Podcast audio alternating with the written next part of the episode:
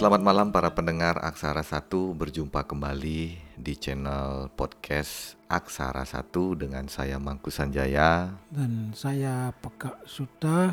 Dan di hari ini di episode yang ke-20 Tepatnya di hari Rabu tanggal 26 Mei 2021 Dan juga merupakan uh, bulan purnama. Ya, bertepatan juga dengan Hari Raya Waisak ya hari rayanya umat uh, Buddha seluruh dunia. Ya. Jadi kami dari uh, Aksara Satu mengucapkan selamat Hari Raya Waisak kepada uh, umat Buddha. Salam damai ya. Salam damai dari kita Aksara Satu Mhm. dan kalau sumpama dibilang uh, Waisak saat ini itu bertepatan pada tahun 2565 tahun Buddhis. Ya, kalau dalam bahasa Buddha Namo Buddhaya. Nama budaya. Tapi kalau dilihat dari tahunnya Kak Suta memang paling tua ya. Ya. 2565. Jadi tahun Buddha, tahun Masehi, kemudian tahun Hindu ini berbeda ya, tahun Saka. Kemudian juga tahun Hijriah. Ini ada empat jenis tahun yang kita kenal di Indonesia. Itu yang paling tua adalah tahun Buddha. Buddha, ya. Kemudian setelah tahun Buddha adalah tahun Masehi. Tahun Masehi. Yang, yang kita tahu saat ini adalah 2021. ya. Kemudian tahun Saka saat ini adalah 1943. Iya, betul. Jadi ada 78 tahun lebih muda. Seperti biasa, Aksara Satu kembali lagi ke horoskopnya Kak Ya. Suta. Ah, saat ini kita berada di Uku Pahang. Pang ya. Jadi Uku yang berada di nomor berapa Kak? tadi Kak Suta sebutkan ke nomor 13 16.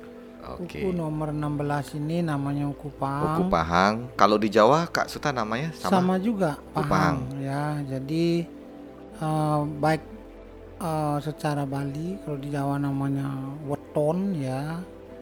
Eh, jadi namanya sama Pahang. Ya, ya, oke. Kalau saya eh, kembali lagi ke horoskopnya di Pahang. Nah, kita biasakan kalau horoskop pasti akan menyampaikan karakter, habis itu mungkin dari ekonominya atau kesehatan secara umum. Jadi ini dasar aja karena Ya. kita masih tetap di episode yang pertama. Eh, bukan episode yang pertama. Season yang pertama. season yang pertama sampai nanti berakhir di Uku eh, Watu Gunung. Ya. Nah saat ini Uku Pahang Kak Sutana. Tapi kalau Uku Pahang ini menurut eh, Warige, apakah ada hubungannya dengan eh, kemarin kita sempat membahas Uku eh, Medang Sio. ah Medangsia. Nah di Uku Pahang ini ada saya baca di sumber Warige yaitu adanya kurang sabar. Nah, Ya. apakah di Uku Pahang ini ada korelasinya di Uku Medangsia atau bagaimana menurut eh, lebih detailnya di kacamata Kak Suta? Di dalam Uku Pahang ini memang di beberapa sumber menyebutkan adalah tingkat emosionalnya cukup tinggi ya. Oke. Itu kebetulan pada saat ini kita menyampaikan apa informasi tentang Uku Pahang bertepatan dengan hari Waisak. Iya. Kenapa hari Waisak kita eh, kaitkan saat ini yang notabene mungkin banyak orang di seluruh dunia mungkin tahu atau di Indonesia orang tahu bahwa Sang Buddha ini adalah mengajarkan bagaimana menjadi orang yang betul-betul memiliki kesabaran tingkat tinggi. Mhm. Nah, jadi tentunya uh, warning kita saat ini untuk orang-orang yang terlahir pada Kupang sesuai dengan apa yang pernah saya baca di dalam beberapa sumber adalah orang-orang yang memiliki uh, tingkat apa namanya emosional yang cukup tinggi Ya. karena dia tidak sabaran, kemudian dia suka berlebihan di dalam menyampaikan kata-katanya. Kata-kata, Ya, oke. Kemudian ke- banyak juga hal yang eh, sebetulnya bersifat baik di dalam eh, diri orang yang terlahir pada Kupang. Beda dengan Uku yang eh, lain, walaupun dia emosional dan kadang orangnya susah dikendalikan. Mhm. Tetapi orang-orang yang terlahir di Kupang ini adalah orang-orang walaupun tidak sabaran, walaupun dia suka emosi, tetapi dia tidak pernah ingkar janji. Ya, Artinya orang yang selalu apa yang dia katakan, apa yang dia janjikan atau yang dia ingin sampaikan kepada orang selalu uh, akan menjadi apa namanya bagian untuk di- ditepati. Jadi tidak suka berbohong. mhm, Nah dan orang-orang yang terlahir pada Kupang ini memang ya, uh, secara ucapan mungkin mereka agak kasar ya. iya, Jadi kontrolnya mungkin uh, agak kurang bagi beberapa orang yang mendengar akan dianggap bahwa orang-orang yang sedikit uh, apa namanya uh, tidak peduli dengan lawan bicaranya. mhm, Yang penting apa yang dia rasakan adalah ingin dia sampaikan. Jadi ketika dia merasa oh ini tidak benar atau merasa bahwa eh, ini adalah salah satu kesalahan, maka dengan suara lantang dia menyatakan bahwa ketidakcocokannya. Mungkin disampaikan dengan bahasa kasar dan lain sebagainya. Sehingga di dalam beberapa sumber disampaikan ini kategorinya eh, kadang-kadang dia menyampaikan bahasa atau kata-katanya mungkin agak eh, kasar.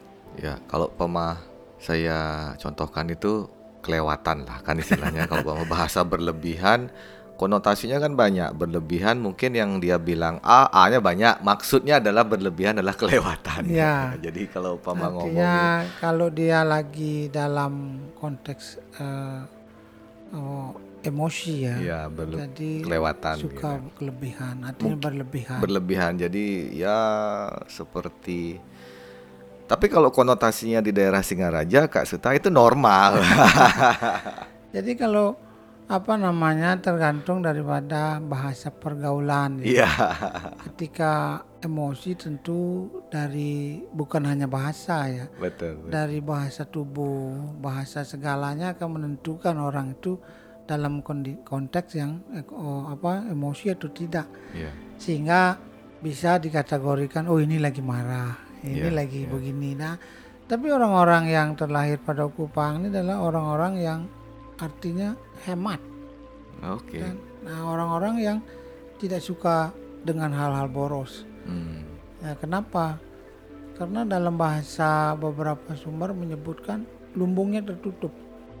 Wow, arti lumbung tertutup kan banyak. Banyak yang mengartikan lumbung tertutup rezekinya tidak masuk. Gimana maksudnya ini Kak? Bahasa lumbung tertutup dengan lumbung terkunci itu beda. Oh gitu. Jadi Wah, ada. Orang boros, lumbung terbuka. Mhm. Jadi ada beberapa kategori lain yang menyebutkan bahwa orang ini boros. Mhm. Tapi orang yang terlahir pada Kupang ini sebagian besar orang yang Lumbung tertutup. eh, hemat ya. Artinya Bukan pelit kah? tidak dia tidak pelit cuma dia pintar sebetulnya bersosialisasi itu tetapi kadang-kadang orang ketakutan karena eh, sifat suka marahnya Hmm. jadi seperti itu sehingga dia mau apa apa namanya kata orang berderma ini Mhm. eh, sekarang agak agak kurang ya Oke. jadi tidak tidak seperti orang lain yang suka membantu kadang-kadang kan orang yang paling dermawan adalah orang yang ukir itu ukunya Iya, iya, iya. Tapi kalau Pak Madi bilang yang saya lihat di Warige memang yang paling saya suka membaca ini adalah menepati janjinya, Kak. ya Jadi janji ini yang lebih lebih lebih dominan saya lihat dalam karakter eh, eh, Pahang. Karena apa? Biasanya kan korelasi antara orang yang kurang sabar, udah gitu eh, emosi dan kadang-kadang di saat emosinya dia kelewatan untuk berkata-kata. Tapi dia bisa loh menepati janji dan sangat-sangat konsisten dengan janjinya. Nah, Ya. itu yang saya suka dengan karakter seperti ini. karena seperti apa yang kita sampaikan di awal bahwa tidak ada satupun yang walaupun secara eh, beberapa hal mungkin akan sama dengan hal-hal sebelumnya tapi kita dalam eh, beberapa hal nanti tentu pasti akan berbeda kenapa berbeda orang marah belum tentu semuanya jelek artinya semuanya tidak baik Ya. Makanya seperti yang kita sampaikan tadi ada beberapa hal positif yang dia miliki. Dia tidak suka ingkar janji. Dia nilai setianya pun terhadap pasangan cukup luar biasa. Wah, oke. Jadi- Ini pilihannya juga jadi salah satu pilihan. Ya, kesetiaan dia terhadap pasangan, artinya tanggung jawab dia terhadap uh, keluarga, ini sangat bagus. Oke. Sehingga orang-orang yang terlahir Kupang ini memang kalau mungkin di dalam kehidupan normal kita banyak menjumpai men- orang-orang seperti itu ya. Mhm. Walaupun dia emosional, suka marah, suka apa namanya uh, di luar sana suka kasar dan lain sebagainya. Tetapi ketika kembali ke rumah mereka akan memiliki uh, sifat dasar yang sama. Ya. Dan mereka tahu kasihan sama keluarga, Ya. tahu bagaimana bertanggung jawab dengan keluarga dan lain sebagainya. Ini tanggung jawab adalah uh, simbol daripada kesetiaan mereka. Jadi seperti itu artinya orang-orang yang terlahir pada uku Ku paham. pang. Kalau ya. kesehatan Kak Suta dengan karakter orang yang membawa Ya, emosional tinggi. tentunya harus berhati-hati ya. Kenapa?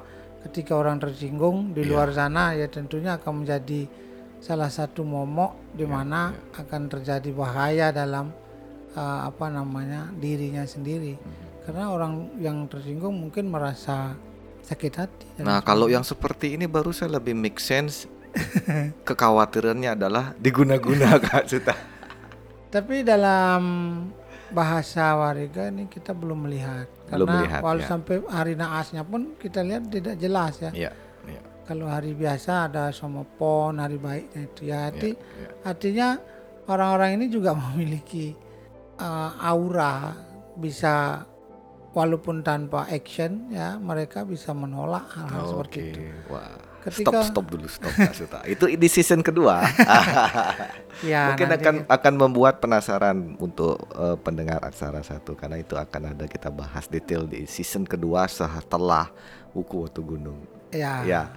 Oke untuk saat ini karena sudah eh, larut, sudah malam, eh, kita cukupkan sampai di sini. Tentu saja untuk pendengar setia Aksara Satu yang bisa ikut silakan ada bisa apa namanya DM kami di Instagram dan juga ada WhatsApp. Ada juga informasinya di sana di Instagram kami. ya, ada Ya. YouTube juga ya. Ya ada di YouTube juga dan eh, di YouTube kami belum eh, memberikan visual. Video ya. Ya belum belum video karena saya dan Kak Suta masih malu-malu kucing.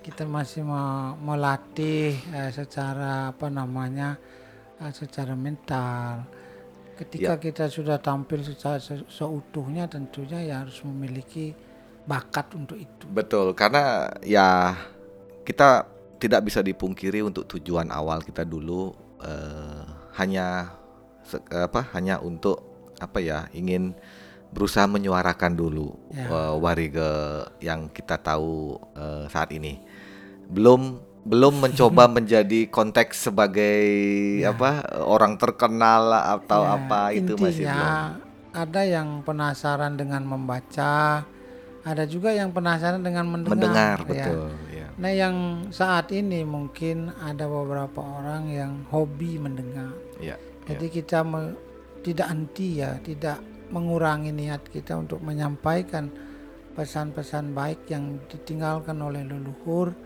dalam bentuk tulisan. Mungkin orang-orang yang tidak senang atau tidak begitu memiliki kesempatan untuk membaca.